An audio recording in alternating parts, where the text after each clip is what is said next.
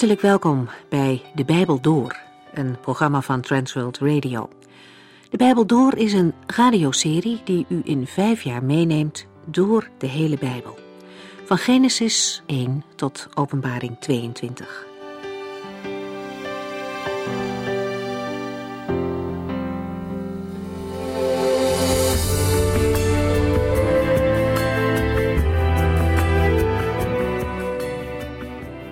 Fijn dat u weer luistert.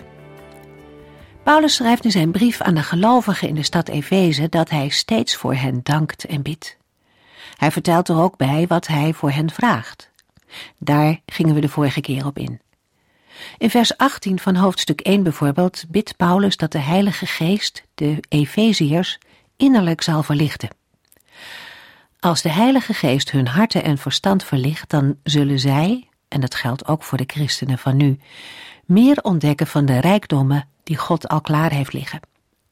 Paulus noemt verschillende dingen. De toekomst bijvoorbeeld. God heeft gelovigen geroepen om een heerlijke toekomst tegemoet te gaan. En nu al mogen we ons daarop verheugen, een soort voorpret hebben. Niet voor niets bidt Paulus dat de christenen er meer van zullen leren begrijpen. Daardoor zullen ze immers steeds meer uitkijken naar wat God allemaal bedacht heeft. De apostel bidt ook dat zij zullen beseffen hoe ontzaglijk groot de kracht van God is, die werkt in de gelovigen. Door zijn kracht zijn hemel en aarde geschapen. En vijandige legers konden niets beginnen tegen Gods krachtige bescherming. En zo staan er door de hele Bijbel heen voorbeelden waarin Gods kracht zichtbaar wordt. Maar het meest werd die kracht zichtbaar toen God zijn gestorven zoon liet opstaan uit de dood. Door Gods kracht kon Jezus de dood voor eens en altijd overwinnen. En over die kracht gaat het in de Efeziërs. Diezelfde opstandingskracht van God werkt ook in ons leven. Het is goed om daarbij stil te staan. Wij denken van onszelf zo gauw dat we klein zijn en weinig kracht hebben. En het is ook zo. Maar de kracht van God in ons maakt ons sterk. Paulus gebruikt in dat ene vers al vier verschillende woorden om zo goed mogelijk uit te leggen wat die sterkte en kracht betekent. Het is alsof hij daarmee aangeeft dat die kracht ons denken ver te boven gaat.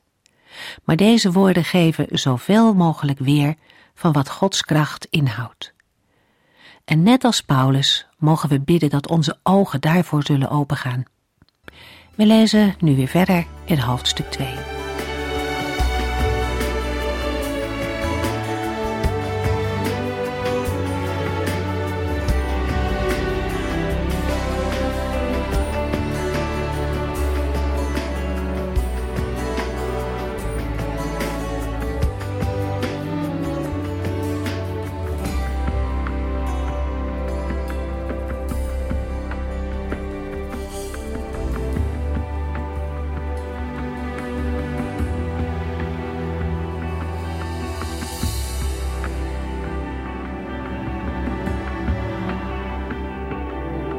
In de vorige uitzending hebben we het eerste hoofdstuk van de brief aan de gelovigen in de stad Efeze afgesloten.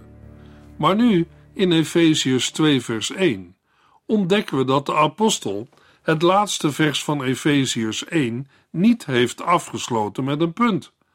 Want Efeziërs 2 vers 1 begint met het woordje en.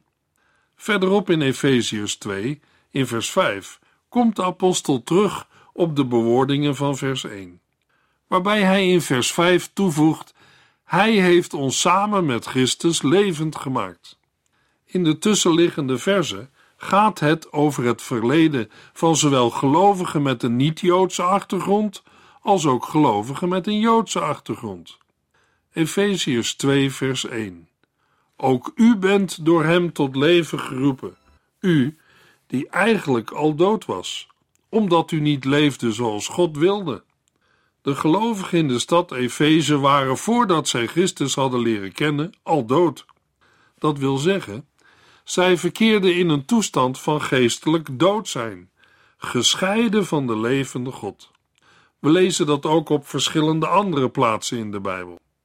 Het geestelijk dood zijn van een mens is niet een passief, maar juist een zeer actieve leven in overtredingen en zonden.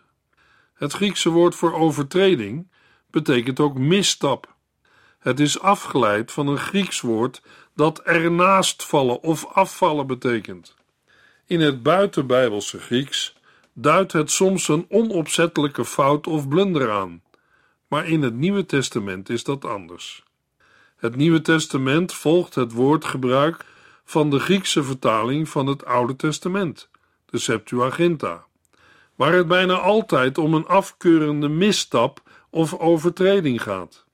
In Ezekiel 14, vers 11 wordt het gebruikt in de betekenis van met zonde worden verontreinigd. In Ezekiel 14 wordt gesproken over de afgoderij van het volk Israël. De Heere zegt in Ezekiel 14, vers 10 en 11: Valse profeten en huigelaars, goddeloze mensen die zeggen dat zij mijn woorden willen, zullen allemaal worden gestraft voor hun zonde, zodat het volk Israël leert mij niet meer af te wijzen en niet door zonde te worden verontreinigd.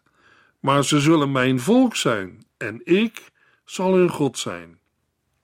Bij het woord misstap of verontreiniging kan het gaan om overtredingen of zonde die iemand tegen een medemens begaat.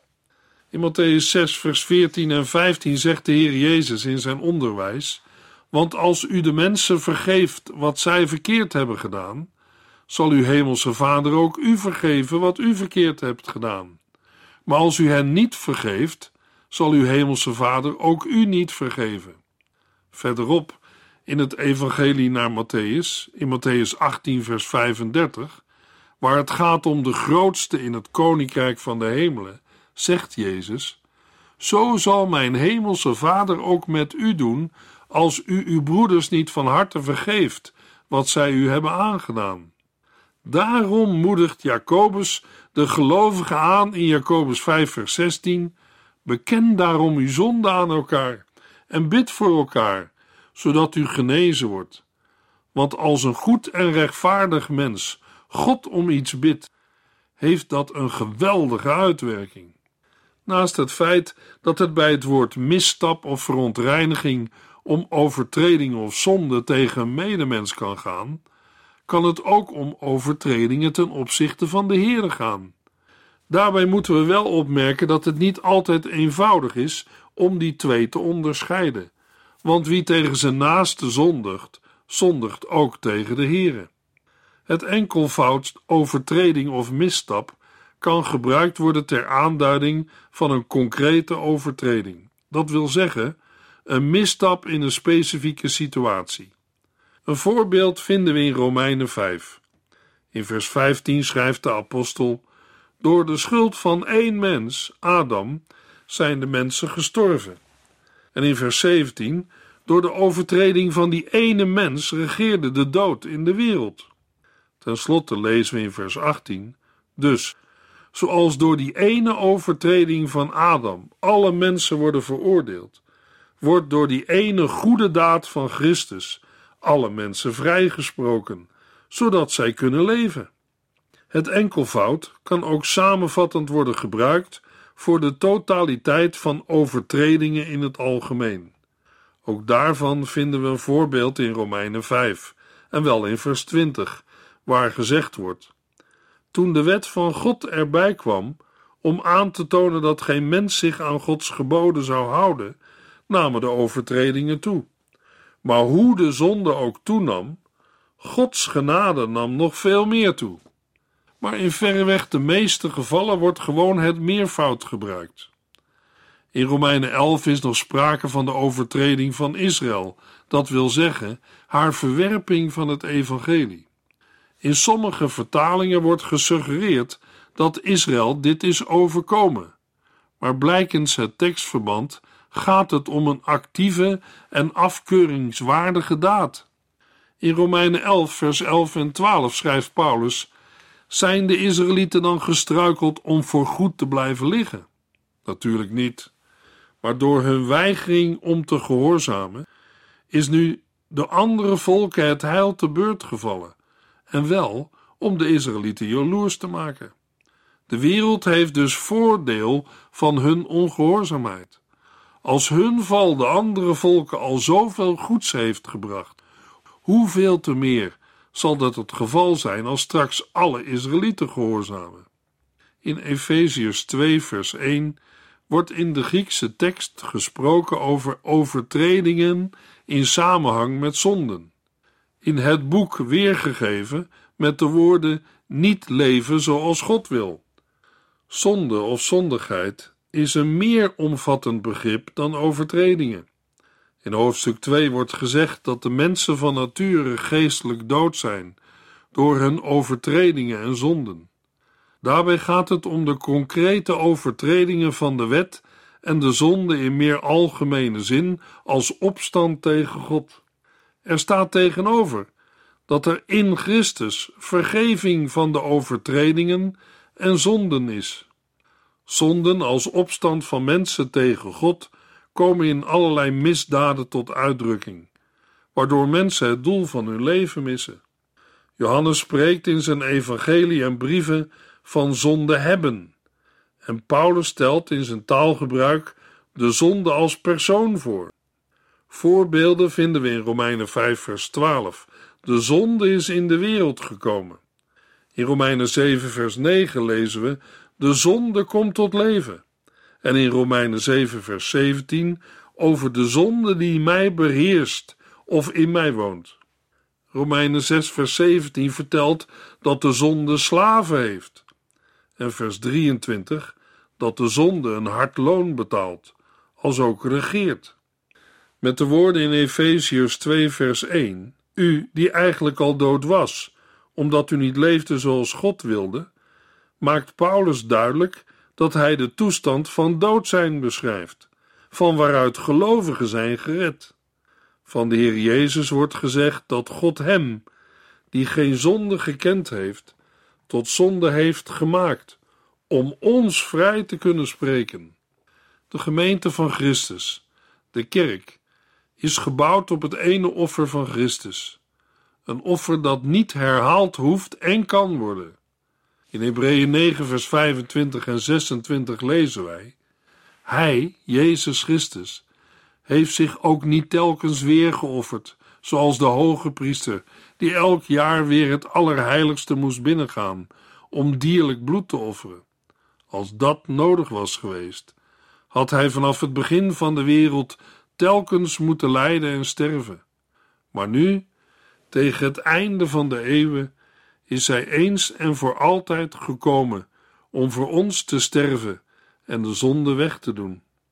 In Efeziërs 2, vers 1 hebben we ook gelezen dat een gelovige door Christus tot leven is geroepen. Christus heeft zichzelf in de plaats van een gelovige opgeofferd en hem of haar eens en voor altijd vrijgesproken, als ook al zijn zonden verzoend. Nu is een gelovige niet meer van zichzelf, maar van Christus.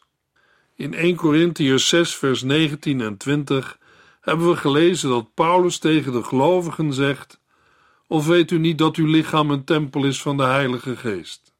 Van de Geest die God u heeft gegeven en die nu in u woont. U bent niet van uzelf. God heeft u tegen de allerhoogste prijs gekocht. Gebruik daarom ieder deel van uw lichaam om God eer te geven. En in Efeziërs 2, vers 13 en 14 is te lezen: Maar nu u één met Christus bent, is er geen afstand meer tussen Gods volk en u.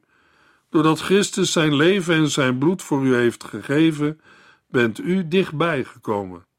Want Hij zelf is onze vrede. Hij heeft u en ons tot één volk gemaakt door de muur van vijandschap die tussen ons instond af te breken. Zo zijn Joden en niet-Joden in de gemeente van Christus bij elkaar gekomen. Efeziërs 2, vers 2. U liep met de grote massa van deze wereld mee en deed dezelfde slechte dingen als zij. U gehoorzaamde de duivel, de leider en vorst van de geestelijke machten in de lucht, die nu nog actief is in de mensen die God ongehoorzaam zijn. In vers 2 vermeldt Paulus onder welke invloed de levens van de gelovigen hebben gestaan voordat zij Christus leerden kennen. Hun leven in overtreding en zonde was in overeenstemming met of in de invloedssfeer van de grote massa van deze wereld. In andere vertalingen lezen we: U ging de weg van de God van deze wereld, of overeenkomstig de loop deze wereld. Wat bedoelt Paulus met deze woorden? In Romeinen 12, vers 2 zegt hij: U moet niet worden als de mensen die zich niets van God aantrekken. U moet anders worden, door een nieuwe manier van denken. Dan kunt u ontdekken wat God wil. En wat Hij wil is goed, aangenaam en volmaakt. Ter toelichting op de uitdrukking de God van deze wereld, lezen we in 2 Korintiërs 4, vers 4: De God van deze wereld, de duivel, heeft hen verblind zodat zij het goede nieuws niet geloven. Zij zien het stralende licht van Christus niet, die het beeld van God is. Deze wereld of eeuw staat voor het tijdelijke en tegenover de eeuwigheid, waarin Christus regeert. De grote massa van deze wereld staat ook voor de van God afgekeerde zondige wereld. Mensen die niet de Heilige Geest hebben ontvangen maar zich laten leiden door de geest van de wereld. Paulus schrijft erover in 1 Corinthians 2, vers 12: En we hebben niet de geest van de wereld ontvangen, maar de geest van God, om zo te weten wat God ons in genade gegeven heeft. Mogelijk dat een luisteraar denkt: Het zal nog wel meevallen met de God van de wereld en de invloedssfeer van de duivel. Ik denk van niet. Een vijand die onderschat wordt, is vaak gevaarlijker dan een vijand die bekend is. In 1 Johannes 5, vers 19 lezen we: Wij weten dat wij kinderen van God zijn en dat de hele wereld in de macht van de duivel is. Wat gaat er met deze heerser van de wereld gebeuren? Daarover zegt Jezus in Johannes 12, vers 31. Nu wordt het oordeel over de wereld uitgesproken. Het is zover dat de heerser van deze wereld wordt weggejaagd. Deze wereld staat onder de invloed en heerschappij van de duivel, die in de volgende zin wordt aangeduid als de leider en vorst van de geestelijke machten in de lucht, die nu nog actief is in de mensen die God ongehoorzaam zijn. Het geeft in Efeziërs 2 de hele legermacht van de duivel aan, zoals die beschreven wordt in Efeziërs 6. Met in de lucht wordt het gebied tussen hemel en aarde bedoeld, de onzichtbare wereld om ons heen. Het is het gebied van waaruit de boze machten hun invloed op de aarde laten gelden. Het zelfstandig Griekse naamwoord voor vorst of leider betekent naast vorst ook bestuurder, heerser, topfunctionaris, bewindsman. In het algemeen wordt het woord voor verschillende soorten bestuurders, leiders en bewindslieden gebruikt, zowel bij de Joden als bij de niet-Joden, en zelfs in het rijk van de duisternis. Ook Christus wordt in Openbaringen 1, vers 5 de heerser over alle koningen van de wereld genoemd. Bij deze dingen moeten we ook denken aan de geest van de tijd, waarmee de duivel de ongelovigen tot zonde inspireert. Dan geeft de mens toe aan slechte begeerten en is hij of zij ongehoorzaam aan de Heere. Vroeger hoorden de gelovigen ook bij de mensen die zich tegen God verzetten. U gehoorzaamde de duivel, de leider en de vorst van de geestelijke machten in de lucht, die nu nog actief is in de mensen die God ongehoorzaam zijn. Wat weten wij mensen van Satan, van de strijd van de geestelijke machten in de lucht of in de hemelse gewesten? Het is Daniel die ons op een uiterst dramatische wijze er iets van laat zien. In Daniel 10, vers 13 lezen we dat een boodschapper van God aan Daniel verschijnt en zegt: Maar onderweg werd ik 21 dagen lang opgehouden door de machtige boze geest die heerst over het rijk van de Perzen. Toen kwam Michael, een van de hoogste bevelhebbers van het hemelse leger, mij te hulp.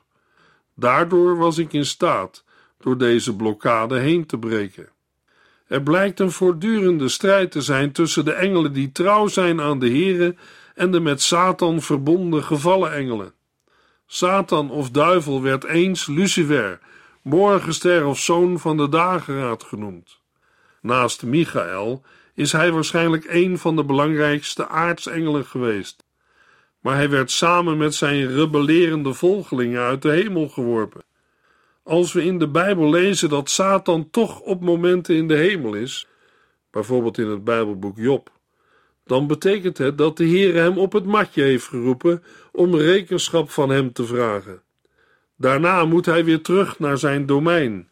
De geestelijke strijd in de hemelse gewesten gaat door. Soms kan een mens de indruk krijgen dat Satan bezig is de oorlog te winnen, omdat hij af en toe een zege schijnt te behalen. Maar hoe het uiteindelijk zal aflopen staat vast. Jezus Christus heeft hem en al zijn trawanten overwonnen en verslagen. De dag zal komen dat hij definitief en voor altijd geworpen wordt in het eeuwige vuur. Wij kunnen bij deze dingen allerlei vragen stellen. In 2 Thessalonicense 2 vers 7 spreekt Paulus over de wetteloosheid die in het geheim al aan het werk is, of het geheimenis van de wetteloosheid. Al eerder hebben we het woord geheim besproken. Het betekent dat er vanuit de Bijbel wel een aantal dingen over zijn te zeggen, maar dat wij mensen er niet precies een vinger achter kunnen krijgen. Daarmee komen we weer op het gebied van Deuteronomium 29, vers 29. Dat wat niet is geopenbaard zijn geheimen en niet voor ons mensen bestemd. Hoewel wij niet veel informatie hebben over de gevallen engelen, weten we wel dat zij vielen omdat zij tegen de Heere gezondigd hadden. 2 Petrus 2 vers 4 God heeft zelfs opstandige, ongehoorzame engelen niet gespaard, maar in de afgrond gegooid, waar zij in donkere holen opgesloten blijven tot de dag van het grote oordeel. In het Bijbelboek Judas, vers 6, wordt de verantwoordelijkheid van hun val nog nadrukkelijker op schouders van de gevallen engelen zelf gelegd.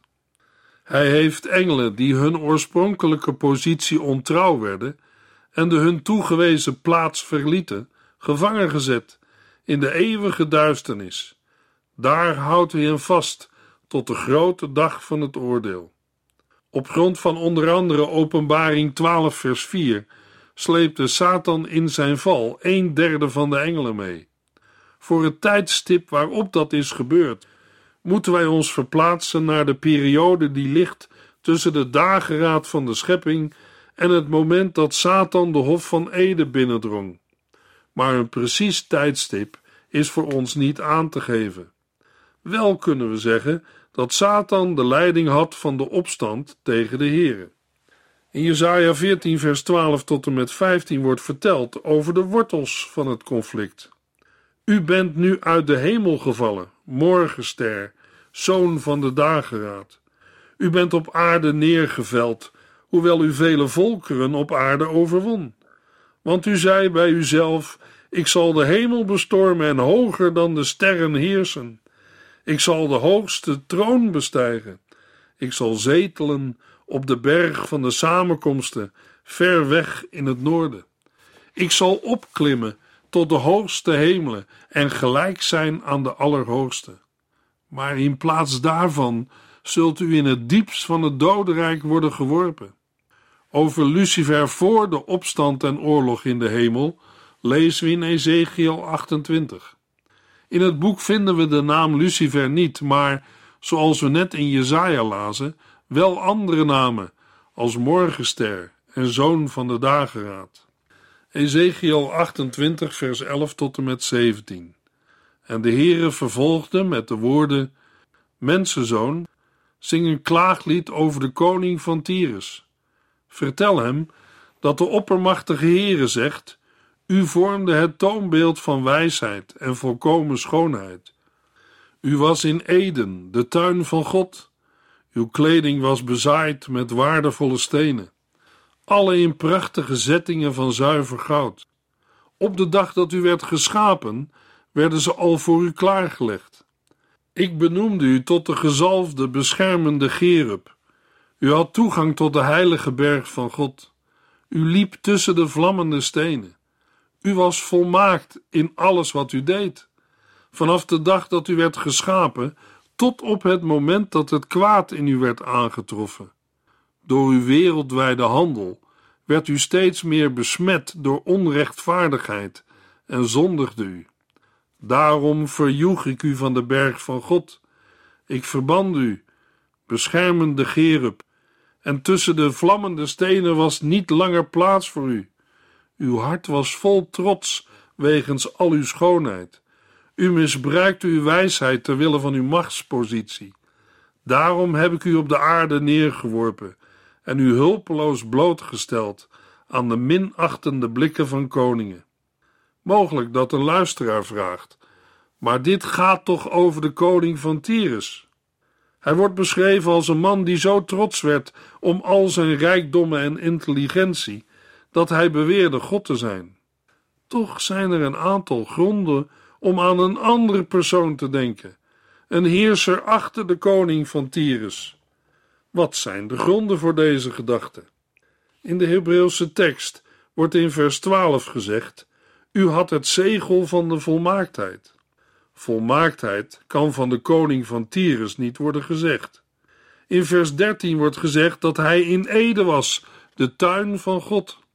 Ook dat is een punt wat niet gezegd kan worden van de koning van Tyrus. In Ede was er nog geen sprake van Tyrus.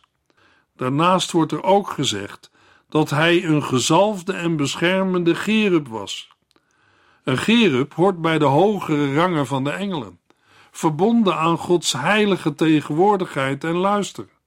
Ten slotte lezen we in vers 13 en 15 dat hij geschapen is. Sinds Adam en Eva worden mensen geboren, en na de val van Adam en Eva zijn ze ook niet volmaakt. We moeten concluderen dat op grond van de teksten die we hebben gelezen, we niet met een mens te maken hebben, maar met de duivel zelf. Hij is de leider van de geestelijke machten in de lucht. In de volgende uitzending lezen we Efeziërs 2, vers 3 tot en met 7.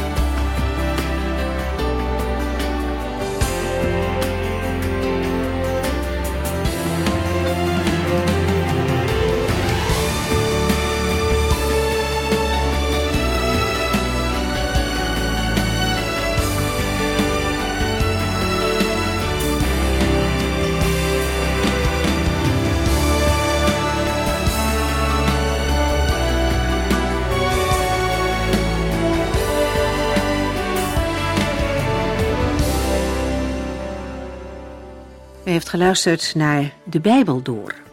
In het Nederlands vertaald en bewerkt door Transworld Radio. Een programma waarin we in vijf jaar tijd de hele Bijbel doorgaan. Als u wilt reageren op deze uitzending of u heeft vragen, dan kunt u contact met ons opnemen. Tijdens kantooruren kunt u bellen op 0342 47 8432. 0342 47 8432. 32. Ook kunt u een e-mail sturen naar de Bijbel door transworldradio.nl en natuurlijk kunt u ook via de post ons bereiken. TWR, postbus 371, postcode 3770, AJ in Barneveld. Dit programma werd gepresenteerd door Cor Weda en Ike André. Techniek was in handen van Odin van Woerdekom. En wij allemaal bedanken u voor het luisteren. Graag tot de volgende keer.